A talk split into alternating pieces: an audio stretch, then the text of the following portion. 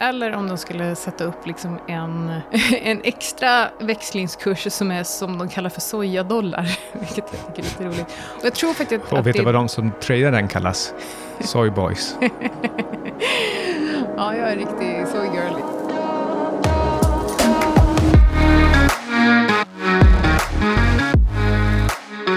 Och vi har inte bestämt oss för om det här är Antilope eller Outsiders. Eh, Idag vid lunchtid så stannade spårvagnen borta vid, eh, du vet, Tvillingarnas, Strandbryggan. Ja. Och, och så tittade föraren ut och sa, tja, du, Syding. Jag saknar din eh, podcast, särskilt Outsiders. Så eh, då kanske det är Outsiders. Jag har otroligt svårt att veta om du menar allvar eller inte nu. Nej, men det är sant. Jonas hette han. Så hej Jonas, tack för Är inspo. det, är det på riktigt alltså? Ja. Och det är helt fantastiskt att du väntar med att berätta det här tills vi sätter oss och spelar in. Men jag tänker att om vi ändå ska eh, rikta den här dialogen till någon så får vi väl, och om vi nu säger hej, så är det Jonas. Ja. Om vi säger hej Jonas så måste vi absolut också säga hej Jessica. ja, det är egentligen hon som har dragit igång uppropet. Och, eh, Startat namninsamling. och då tycker jag att då är det ett antilop. Eh, Jonas vill ha Outsiders, Jessica vill ha antilop. Hon vill ha podcast överlag, Ja, tror jag. mm. Eh, Men eh, vi är något av det. Vi laddar upp det i eh, båda slingorna. Det är, det är så vi kör den här gången. Så välkomna till eh, Antilop eller Outsiders. Jag heter Anna Svan och du är? Carl Mikael Syding. Det har ju hänt en hel del på marknaden sen vi slutade podda. Jag kommer knappt ihåg när vi slutade podda. Vi Var har det- inte förberett oss ihop, så det här kan bli lite allt möjligt, men vi gillar ju alltid att prata om inflation och där har det hänt mycket. Inflationen har pikat. Det var 0% inflation i juli. Ja, eh, några säger det. Det var väl 0% month over month. Exakt. Men 8,5 procent i årstakt. Jag älskar förresten, för, förresten här sentimentförändringarna. För när, 8, när vi fick 8,5 % inflation i maj var det väl, så, eh, så rasade börsen, eh, liksom livet var över. Eh, Fed började prata om att höja räntan 75 punkter istället för 50, vilket de sen också gjorde. Alla tillgångar bara föll och föll och föll och föll. Sen så drog inflationen upp till 9,1 % i, i juni och nu helt plötsligt när vi, när vi är nere på 8,5 igen, två månader senare, tre månader senare, två månader senare. Eh, Då drar börsen 2% till, trots att den nyss har gått upp 20% från botten. Nu pratar jag om Nasdaq. Ja, nej men vadå? Alltså, för det här måste väl ändå betyda att vi har fått bukt på inflationsproblemet, att Fed kan slopa sina räntehöjningar, för Powell har också ändå sagt att eh, eh, räntan typ är neutral. Alltså, Men- men så här. Den, eh, realräntan är minus 6 procent. Ibland så ska man hålla koll på, på trender, inkrementella förändringar ehm, och, och, och i det perspektivet så, ja, men det har pikat på något sätt. Det är lägre än, än toppen. Och ibland så ska man göra som en riktigt trist gammal analytiker, ta ett steg tillbaka och fundera över, men hur ser det ut på riktigt? Och ur ett absolut perspektiv, så för mig så ser det ut så här. Inflationen är 8,5 procent. Det är mycket mer än 2,0 procent. Det betyder att Fed är i full färd med att fortsätta höja. Och det visar också Fed Funds Futures, alltså de här sannolikheterna för fortsatta höjningar. De ligger fortfarande, det är faktiskt till och med så att de ligger högre nu än när börsen bottnade för drygt en månad sedan, eller nästan två månader sedan. Och högre än för bara en vecka sedan. Så höjningarna är, liksom, de, man, de, de ska ännu mer hända nu än de skulle för bara en vecka sedan. Ja, och att Fed är data dependent betyder inte att eh, de inte kommer fortsätta höja räntan. Det är två väldigt olika, eh, olika perspektiv. Men det är väl lite kul med hås, tycker fröken Svan som alltid 100% lång. Jag också, men är det någon som har tjatat om bear market rally, sen faktiskt nästan perfekt tajmat med själva botten på det, så Ja. är det ju jag. Jag måste säga att eh, eh, din, din positionering eh, där eh, i, i din strategi har ju varit, eh, jag höll på att säga klanderfri, men, eh, och det har den väl också varit, men eh, oerhört snygg. Jag stängde istället mina uranbolag på botten. Det kändes eh, sådär, men jag behövde ha lite semester. Eh, men så är det ibland. Jag är rätt glad över att eh, alla råvaror vänder. Efter toppen i mitten på april på råvarusidan så föll mitt råvaruindex. Alla, alla de tio råvaror som ligger i det indexet föll med mellan 10 och 40 procent mellan eh, mitten av april och eh, typ mitten av juli innan de började vända upp igen. Så att det var, men så är det ju liksom. Råvaror är ganska volatila. Vad tror du eh, taktiskt om eh, råvarupriser kommande, låt oss säga, fram till årsskiftet? Men jag har skrivit en hel, en hel del om det här innan också. Att eh, för det första så måste man ju vara, vara rätt medveten om att det svänger ganska bra i råvarupriser. En annan sak som jag har skrivit ett memo om var just eh, hur eh, korrelationsrelationer förändras under olika typer av marknadsklimat. Och eh, vi är ju en eh, liksom någon eh, low correlated alpha, eh, det är liksom det vi gör. Problemet då är att under perioder av mycket hög inflation så tenderar kortsiktigt eh, olika typer av strategier, olika typer av tillgångar som i vanliga fall inte har någon korrelation att korrelera, har väldigt hög korrelation. Så om man tittar på mitt jordbruksråvaruindex till exempel då, Antilop Agri Index som tidigare kallades för Cygnus Softs index, eh, så mm, historiskt har den rullande 100-dagars korrelationen, liksom mediankorrelationen har legat på typ verkligen noll, kanske till och med lite minus 0,2 eller något sånt där. Eh, men nu eh, senaste 100 dagarna så är den uppe på, jag tror det är eh, 0,85 mot eh, S&P. Du ser samma sak i, eh, i energipriser. Eh, det enda som har liksom ganska låg korrelation är guld och det har att göra med att dollarn har varit så oerhört stark. så, men nu när, det, nu när jag tänker resten av året, jag tror absolut att vi har fått liksom en, att vi har bottnat ur i råvaror, att vi är på väg uppåt igen. Så att jag är superbullish, det har varit liksom lite, lite tråkigt senaste månaderna. Men jag är jättebullish och eh, tror absolut att fortfarande att det här årtiondet är ett årtionde för alternativa tillgångar och då framförallt råvaror. Nu eh, får jag väl säga det igen, jag tror fortfarande, alltså jag tror, jag tror och hoppas att, eh, för guldet har ju absolut pressats ner ordentligt för att dollarn har varit så otroligt stark. För om du tittar på guldpriset i andra valutor så har det inte alls varit så svagt.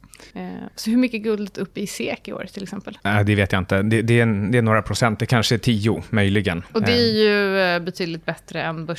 Men det är ju det, ja, nej men så guldpriset i dollar har fått, fått oerhört mycket stryk för att dollarn har varit så himla himla stark, trots att det har varit hög inflation. Och det är ju för att dollarn är liksom en safe haven-valuta. Innan jag glömmer det, så i inflationsstatistiken så fanns också att matpriserna i USA var upp 1,1 procent month over month, mm. vilket blev 10,9 procent year over year. Det är högsta sedan eh, början på 80-talet eller slutet på 70-talet. Och, och det här tror jag, i enlighet med de här undersökningarna som har gjorts senaste året, som säger att väljarna i USA, eller folket totalt sett, de tycker att inflation är det största problemet de har i sin vardag, så kommer Biden och Powell verkligen fortsätta att åtminstone få det att se ut som att de bekämpar inflationen. Sen om det funkar eller inte, det är en helt annan sak. Men det gör att, att jag tror verkligen inte att vi ens är i närheten av någon slags pivot. Nej, och dessutom så befinner vi oss mitt i en energikris och det ser inte ut som att eh, den här vintern kommer bli bättre än förra vintern. Jag menar, vi, elpriserna är på, var inte juli typ en sån där rekorddyr månad. Nu mm. tror jag att man liksom inte behöver använda så mycket, så mycket el under sommarmånaderna för uppvärmning då.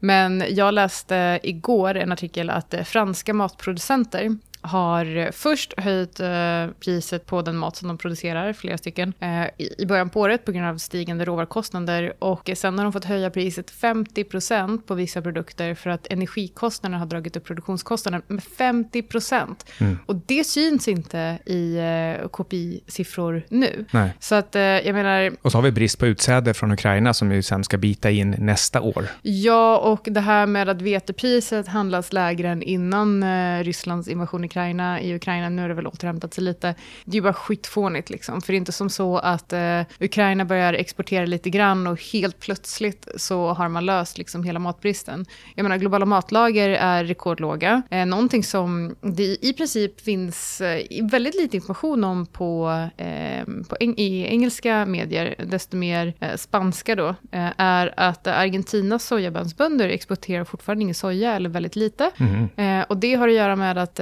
Eh, argentinska peson har fullständigt kollapsat och det finns ju en officiell växlingskurs och en inofficiell växlingskurs och den eh, eh sojabönsbönderna får betalt i den officiella och eh, den alltså, jag tror den är, jag tror den eh, inofficiella växlingskursen är typ, eh, gud nu har jag inte dagsfärska siffror och eh, peson rör på sig ganska, ganska snabbt, men vid något tillfälle så var den inofficiella på typ eh, eh 340 pesos per dollar och eh, den andra typ 120 pesos per dollar eller något sånt där. Helt bisarrt. 160 kanske. Det var i alla fall, eh, den, den officiella kursen var, var halva den, eh, eh, den inofficiella. Och de får ju betalt i den inofficiella och så tar, är det dessutom 60% skatt så att de får i princip inget betalt.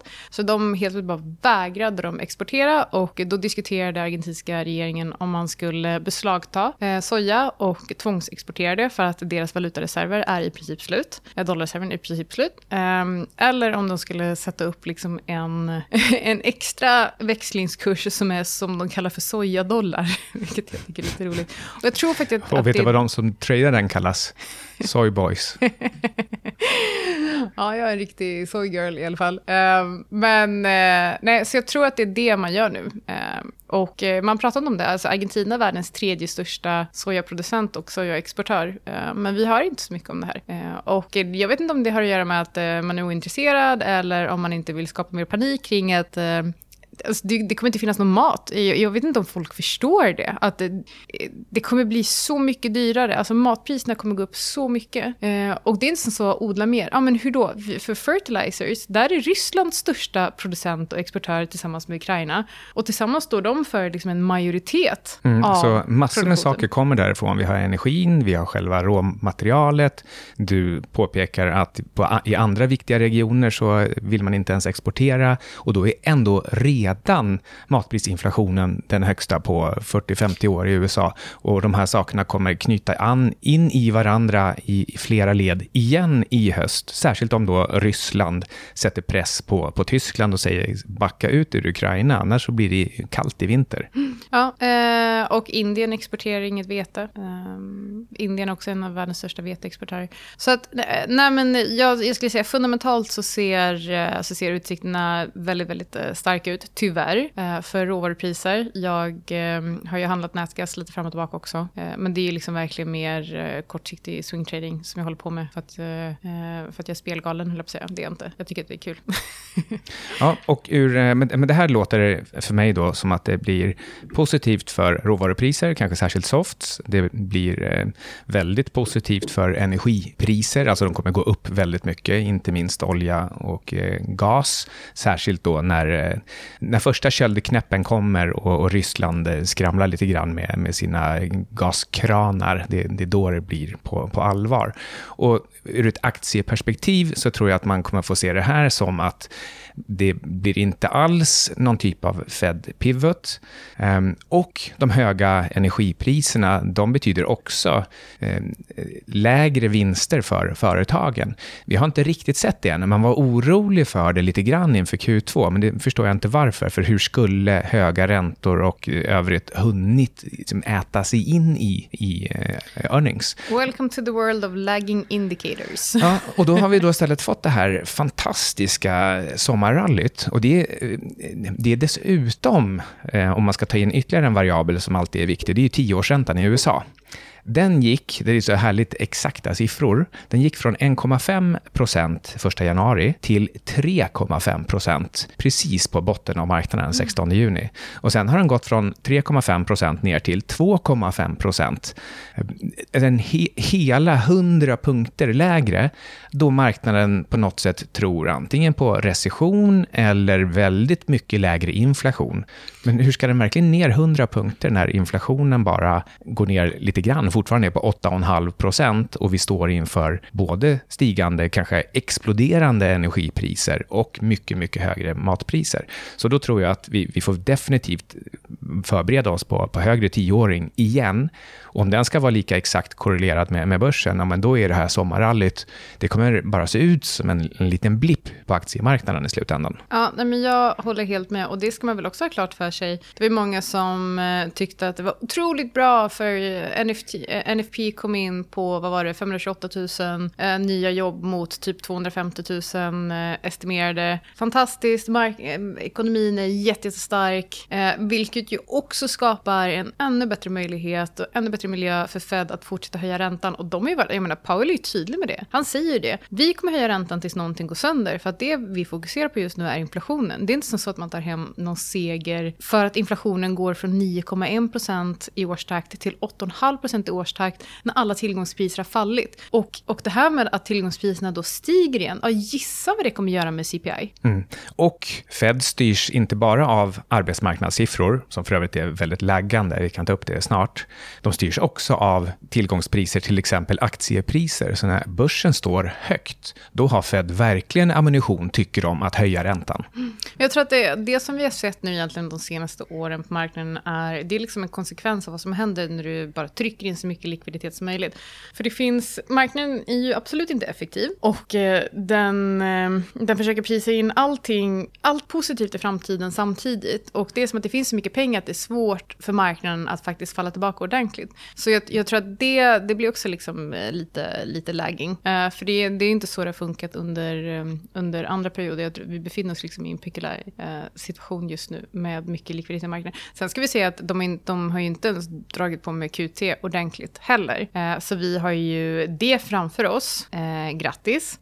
då kommer det nog bli lite kämpigt igen. Men jag vill inte sitta här och verka vara så himla negativ. Jag tror att det finns liksom olika perspektiv att se det på. Um, jag tror att uh, nu kommer det säkert uh, se ganska bra ut, kanske fram tills nästa, uh, nästa räntehöjning. Den kanske inte riktigt så länge, det är väl om liksom en och en halv Nu ska vi se, 21 september. 21 september, okej, okay, så då är det en bra bit kvar. Huh, ja, nej, jag vet inte tusan alltså. Mm, jag är nog mer orolig, bara rent tidsperspektivsmässigt. Vi, vi, vi bottnade i mitten av, av juni och vi tog riktig fart i mitten av juli. Så vi har redan hållit på i, eh, med riktigt bra fart i en månad och egentligen sen botten i två månader. Ett, ett, ett ordentligt bear market rally brukar inte vara längre än så här. Och storleks, storleksmässigt, vi är upp 22 procent på Nasdaq. Det är egentligen precis vad man hade kunnat förvänta sig. De, de ska vara lite kraftigare eh, i det här skedet och kanske också för att den nya tiden så sker saker lite snabbare, lite hårdare, lite nervösare på grund av bland annat den här dragkampen mellan TINA, there is no alternative, och quantitative easing eller tightening. Så, så, så jag, och, och ur chartmagins härliga perspektiv så ser också 4200 på Standard Poor ut som en, en väldigt naturlig topp. Så jag tror att hela eh, den viktiga delen av rallyt är över. Men du tror inte att eh, aktiemarknaden kommer att se ut som Venezuelas och Argentinas aktiemarknad framöver? Då? Hög mm. inflation, mm. bara stigande tillgångspriser, de försöker höja räntan men det får liksom ingen supereffekt för man har tryckt in så mycket pengar i systemet. Ja, frågan är, är det verkligen tillräckligt hög inflation för att den här effekten av nominella priser ska motverka... Mm. Ja, men jag, jag, vågar nog ändå tro att inflationen håller sig mellan 5 och 10 procent om året, inte i månaden. Eh, och, och, då kommer vi, som på 70-talet, som på 70-talet, få se faktiskt även nominellt ganska rejält fallande börser. Alltså så som vi nu, vi såg en nedgång här på, eh, vad blev det, 25 procent. Ja, men tror du realräntan kommer bli positiv då? Den är minus 6 procent nu. Um, nej, nej det tror jag inte. Uh, det, det, det är ingen som vill, det är ingen som har råd råd. Ehm, det går inte som politiker att, att ta sig dit. Antagligen så är också ekonomin mer finansiellt känslig, så man, man behöver inte längre göra som förr i tiden då, då räntan skulle höjas till minst en, två procentenheter högre än inflationen för att få effekt. Nu är, när man har lån på flera hundra procent privat och, och publikt, då, då behövs det kanske bara en tredjedel mm. så mycket som, mm. som det annars hade behövts. Mm. Tills skulderna är bortinflaterade då? Mm, ja. Och det kan ta sin lilla tid. Jag tror att det här skulle lyfta oss i tidsperspektiv fram till när fourth turning är, är, är klart eller går in i sitt klimax. Och det skulle kunna vara ungefär i, i, tid med nästa presidentval, alltså 2028. Då är det dags för accidentally, occasionally cortex att eh, göra entré på scenen. alltid så optimistisk, Carl Micke Men på, på kort sikt så är jag, jag är ju oerhört bullish. Jag är också lite i det här there is no alternative-campet inför eh, nästa presidentval, eller det som, det som kommer nu. det som, midterms, eller? det som är 2024. Nej, okay. ja, inte, precis, inte midterms, utan, utan det som är 2024. Då ska Demokraterna försöka vinna igen. De ska försöka vinna mot Trump. Det, det gäller om han nu ens får eh, köra göra, eller om han är dömd för någonting då. Men då tror jag att då kommer man skruva på alla kranar man kan. Då ska räntan sänkas och universal basic income ska distribueras i, i stora, stora lass. Make macro great again. Så det här är då från ungefär januari 2024 man drar igång på allvar. Men egentligen så kommer man tjuvstarta hösten 2023. Det är ju bara ett år till dess som själva det här liksom exploderande stimulanspaketen ska, ska ta fart. Och någonstans däremellan, någonstans mellan nu och om 12 månader, så har vi hunnit ha den här vinstrecessionen som kommer sig av att Fed siktar på läggande data. Alltså de, de gör ingen pivot förrän de har haft sönder något som du sa. Det som ska gå sönder för dem, det är arbetsdata. Och arbetsdata är det sista detta i ledet på alla saker som, som eh, går ner i en, i en recession. För ja, om du tänker på hur, eh, vad ett bolag gör om det blir lite tuffare tider, det är inte som att det första de gör är att varsla personalstyrkan. Först så försöker man dra ner på kostnader, man försöker kanske dra upp intäkterna, eh, alltså man höjer priser, sen drar man ner kostnader. Jag menar, att varsla personal är det absolut sista man gör. Så det är också därför du blir så laggande. Det, jag tror att det är det som har hänt också, att vi har blivit, jag skrev för, det måste ha varit typ två år sedan ett memo där jag skrev att jag tror att vi kommer se liksom boom-bust-marknader ehm, eh, och boom-bust-cykler. Och jag tycker det också rimmar ganska väl med hur kortsiktiga många verkar vara. Jag menar, nu, nu, nu någonstans ropade man hej för att NFP kom in på fem, plus 528 000 och så man hade, du hade fel, ekonomin är jättestark och att den på något sätt då alltid kommer att vara det oavsett hur Eh, eh oavsett hur liksom, den underliggande ekonomin eller var signalerna pekar åt. Och jag tycker absolut att det ser ut som att ja, absolut kommer det synas liksom, i arbetsmarknaden. Och det här med att eh, vi har rekordlåg arbetslöshet eller i närheten 3,5 procents eh, unemployment i USA och att det någonstans skulle vara positivt och, och, visa på att vi inte går in i recession. Vad har hänt varje gång arbetslösheten har bottnat? Följs alltid av en recession. Ja. 100 procent av gångerna. Liksom, så, eh, just, den, just den här siffran också, 528 000, mm. den tillverkas egentligen egentligen av plus, en, en jättestor plussiffra och en jättestor minussiffra. Och så är det där den här lilla residualen mm. på kanske 10% av de totala mm. förändringstalen. Och på plussiffran så lägger man på en, en jättestor komponent som man, som man lägger på om man tror att det är positiv eller negativ trend. Och nu när man tror att det är positiv trend, då bara adderas det modellmässigt en jättestor siffra. Men om det i efterhand visar sig att det var en negativ siffra, då under de kommande tre åren så justerar man om den där justeringskomponenten komponenten. Och då kan den gå från jätteplus till jätteminus. Så i efterhand så kommer det visa sig att nej, det var inte plus 228 000. Det kan lika gärna ha varit minus 200 000. Eh, den, här, exakt den här siffran visade sig om tre år när centralbankschefen då ska titta på sin data och, och, och göra, ta beslut där 2025. Det, det är här liksom som är problemet med eh, ekonomi. Det, blir, det är väldigt svårt att göra någonting till en, eh, till en vetenskap när man håller på att ändra definitioner och det är tycker klart du kan mäta saker på olika sätt, men om du ändrar definitionen och ändrar vad du mäter, det, du, vad är, vad är liksom definitionen av science? Det är väl att det ska vara du ska kunna upprepa samma experiment en gång till och få samma typ av resultat. Det är helt omöjligt om alla variabler inom ekonomi konstant förändras. Det är det enda som är konstant i finans. Det där är ju en eh, av plot-twisterna i eh, Three Body Problem med att någon utomstående kraft ser till att manipulera data så att de inte blir replikerbara utan de ger liksom lite olika resultat varje gång. Och det leder till att all vetenskaplig utveckling stannar av för, för planeten jorden. Men vänta lite nu. Har du missat det? Är det i andra bok? Boken?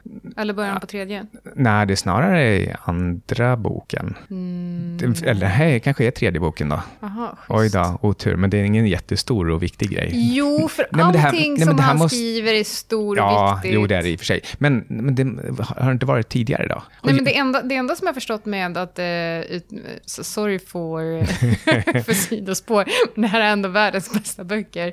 Uh, så uh, alla ni som håller på att läsa eller planerar att läsa kan väl hålla för öronen det som händer är ju att, ehm, eh, att de är bevakade av eh, de här ehm, eh, sofonerna, mm. sofons. Eh, och det innebär att, de, eh, att det blir väldigt svårt för dem att, eh, var det inte sofonerna också som faktiskt påverkar forskningsresultatet och det gör att eh, alla experiment blir på något sätt bevakade och då kan man inte riktigt lita på resultatet och då stannar det av. Men det har väl också att göra med att de... Ehm, Men de gör att själva experimenten, alltså experimentella resultat från CERN till exempel, när grejerna snurrar runt och, och krockar och det ska bildas nya elementarpartiklar, när man gör sina experiment, då manipuleras själva eh, utkomsten av experimenten så att nej, ibland blir det minus här och ibland blir det plus där. Och det gör att man, man kommer inte vidare med grundforskningen. Då måste det varit en liten detalj att de nämnde det, för jag vet att, eh, att eh, under en lång period stannade utvecklingen av. Mm, ja, men då har du varit ehm, förbi det. Då men det men att den sen plockade upp, för sen helt plötsligt så,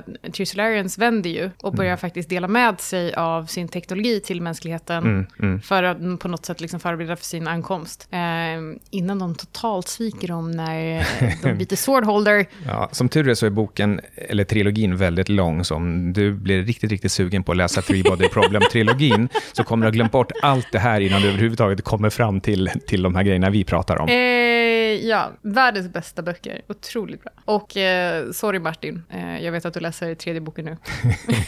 Otur. Ja, eh, man skulle vilja få med lite fler saker. Vi pratar om valet i, i, USA. Vi har ju ett val i Kina också. Xi Jinping vill bli, vill bli, ja men pratar om Kina ja förstås, eh, vill bli eh, evig eh, ledare av mittens och solens rike. Så därför så efter sina två femårsperioder, som är slut nu, det är så det ska vara i normala fall, då vill han ändå fortsätta som, vad är det man är där? Är man premiärminister eller ja, vad man nu än är, man är väl ledare för CCP. Jag tror att man är, jag vet inte om det, säger man inte president? Ja, han kanske är president. Jo, och han är lite annat också förstås, för att han har cementerat sin makt successivt. Och nu är det egentligen omöjligt att stoppa honom från att få, få ännu en femårsperiod. Och om han får den, vilket han kommer få i november, för vem ska våga räcka upp handen och säga Och, och vem ska rösta på något annat? Ja, ja men exakt. Ja. Och på vem? För då, vem, vem utmanar honom? Då plötsligt vaknar man upp i Nordkorea. Mm, så han kommer bli president. Men innan han blir det i november, då säger förståsigpåare att han sitter stilla i båten. Det vill säga inte krigar för mycket med Taiwan. Eh, in... De har ju precis eh, slängt iväg missiler för ja, första gången på typ ja, 20 men, år. Men, men, det är att sitta still i båten. Ah, okay. Att göra det på den riktiga, det blir en blockad, en, en, en, liksom en liten testpilot på att man kör en blockad i en vecka eller två eller tre för att visa vad som händer när halvledarna stannar. Eh, det är mer en, en riktig gambit. Ehm, men, men nu tills vidare så man drar inte på eh, stimulanser eller stryper dem. Man gör inte ditt eller datt och man, liksom, man ser till att, att folket håller sig lugnt och även alla högdjur, alla politiska högdjur. Eh, men, men ja, min tolkning av det är lite som din verkar vara. Man tar i ganska mycket ändå. Man vågar ändå höja rösten. Och det är innan han är helt klar. Ja, det, det är en otroligt munter framtid vi målar upp här. Det är ju fourth turning. Mm, otroligt munter, som sagt. Men ska man ha krypto då? då? Äh, ska man redan köpa? Man skulle ha köpt eter under tusen. Mm. Eh, det gjorde du väl? Hade inga pengar över, men... men jo, det, det var ju, gjorde du. Ja, just det. Ja, du gjorde åt mig. Mm. Men, eh, men eh, eh det var en hel del som skrattade åt mig när jag sa att den skulle under tusen för en bit tillbaka sen. Ja, men det, jag tycker sentiment är rätt, rätt roliga. Jag ser det hemma också. Så fort någonting går upp så to the moon och så fort det går ner, men det ska nog ner och så är det typ något estimat på 80% ner. Jag tycker det, liksom, det är lite roligt roligt. Uh, och sen så säger han att jag spår i teblad när jag säger någonting om att det ser rätt bra, det ser rätt bra tekniskt ut. Oh, teknisk analys funkar inte. Mm. Din analys är jättebra. Hur som helst. Um, ja, men det, det kommer ju den här eh, POS, piece of shit-förändringen i eter, kommer här i höst. Erik Wall har slagit vad om att han ska äta upp en volframkub om, eh, om den kommer efter årsskiftet. Ja, äh, tänker du proof of uh, stake? Ja, ja, POS. POS. ja, POS. Vad säger jag? POS. POS. Piece of shit. Piece of shit, okej. Okay, nej, ja, okej. Okay. Jag, hör att, jag hör att du hänger med bitcoin maxis. Fy fan. ja, nej, eh, okay. Jag tycker uh, proof of stake låter jätte, jättebra. Jag tror definitivt att man ska ha eter både före och efter det. Men jag tror också också att vi står inför ännu en risk-off. När, när aktiemarknaden kör risk-off, då tror jag att, att krypto gör det också. Ja, men så är det. För jag menar, så här är det nu då. Det är många som har gråtit över det och sagt att jag fattar inte, krypto skulle ju vara okorrelerat till aktier. Jag älskar när folk bara, det skulle ju vara. Eh, det är inte så marknaden funkar. Ju större en marknad blir, eh, desto mer kommer deras också korrelationsegenskaper till andra marknader att förändras. Och om man då har liksom marknadsevent som vi har haft nu med jättehög inflation och då tenderar, man precis som jag sa, mitt agri-index eh, som i vanliga fall har exakt noll korrelation till börsen, eh, som nu har 0,8 till S&P. Du kommer se exakt samma sak i liksom alla tillgångar som inte är dollar. Eh, det, är så, det är så marknader funkar. Eh, och eh, eh, det är så det är. ta för upp, använd det till din fördel istället. Om saker och ting faller och du tycker att det finns liksom ett starkt underliggande värde, ja men köp då. Mm. Och, och, och, när det gäller krypto, det har varit lite lugnt från myndigheter på sistone. Det är ingen som har som örfilat branschen med, Väck med lag... inte den björn som sover. Det kommer alltid någonting. Plötsligt så ska Kina köra ångvältare över... De har väl i och för sig inga, inga miners kvar i landet? Jo, jo, jo. Det här är faktiskt... Eh, nu får ni rätta mig om jag har fel. Eh, men eh, precis när Kina förbjöd mining då så föll... Jag kommer faktiskt inte ihåg storleksordningarna, men en ganska stor andel av alla miners eh, var ju i Kina. Eh, och sen så nu liksom ett tag efteråt så har man kunnat se att det, det är uppe på nästan samma nivåer igen. Så det sker absolut mining i Kina, trots att det är eh, förbjudet. Men då så, då kommer ångvältarna fram snart igen och det kommer lagförslag och uttalanden mm. någon gång under hösten. Kanske lagom anslutning till eh, POS-omröstning. Eh, ja, okay. Och då kan man passa på att köpa. Alltså det är det som är min poäng. Alltså, om man jo, nu vill köpa ja, på en dipp. absolut. För, eh, för det, om det är någonting som man har sett så har ju alla eh, åtstramningar i regleringen när det kommer till krypto alltid följts av eh, ett rally. Och eh, ja, men eh, alltså, eh, kryptopriserna toppade för över ett år sedan, kanske man också ska säga. Men sen så hade vi liksom en lokal topp i eh, november och sen dess så har det fallit ganska ordentligt. Ehm, så jag tror absolut, nu sker ju uh, övergången till proof of stake ganska snart. Det är svårt att veta liksom exakt för man behöver mina fram till de blocken. Ehm, och miners har ju liksom inget superincitament till att göra det så det kan, det kan bli svårt. Ehm, men eh, vi kommer komma dit, vi kommer komma dit snart och däremot så tror jag att det är lite så här, för det är många som säger, åh när det sker så blir eh, ethereum eh, deflatoriskt och det kommer vara jättepositivt för priset. Och så här, ja i teorin så kan eh, ether bli deflatoriskt om det sker tillräckligt mycket aktivitet på eh, nätverket. Eh, så det är liksom eh, planen. Men sen så tror jag att det kommer vara på lite samma sätt när man har sett bitcoin-halveringar så tar det alltid några månader, ungefär sex månader innan priset faktiskt drar på riktigt. Mm. Så halveringen sker och alla sitter och stirrar på graferna den dagen. Bara, men fan är det ingenting som händer? Och sen så tar det alltid, ja men det är ganska exakt ett halvår innan priset börjar dra och då drar det ordentligt. Så jag tror att många kommer bli superbesvikna efter eh, Proof of Stake, eh, mm, mm. övergången. Bra, eh, för att det inte sker liksom på eh, en gång. Mm. Eh, det är... Eh, och det är också, alltså nu med tanke på uppgången på över 100 procent, så, väldigt kort period, ja. så, så just den är inprisad. Det är mm. det man bland annat handlar på. Mm.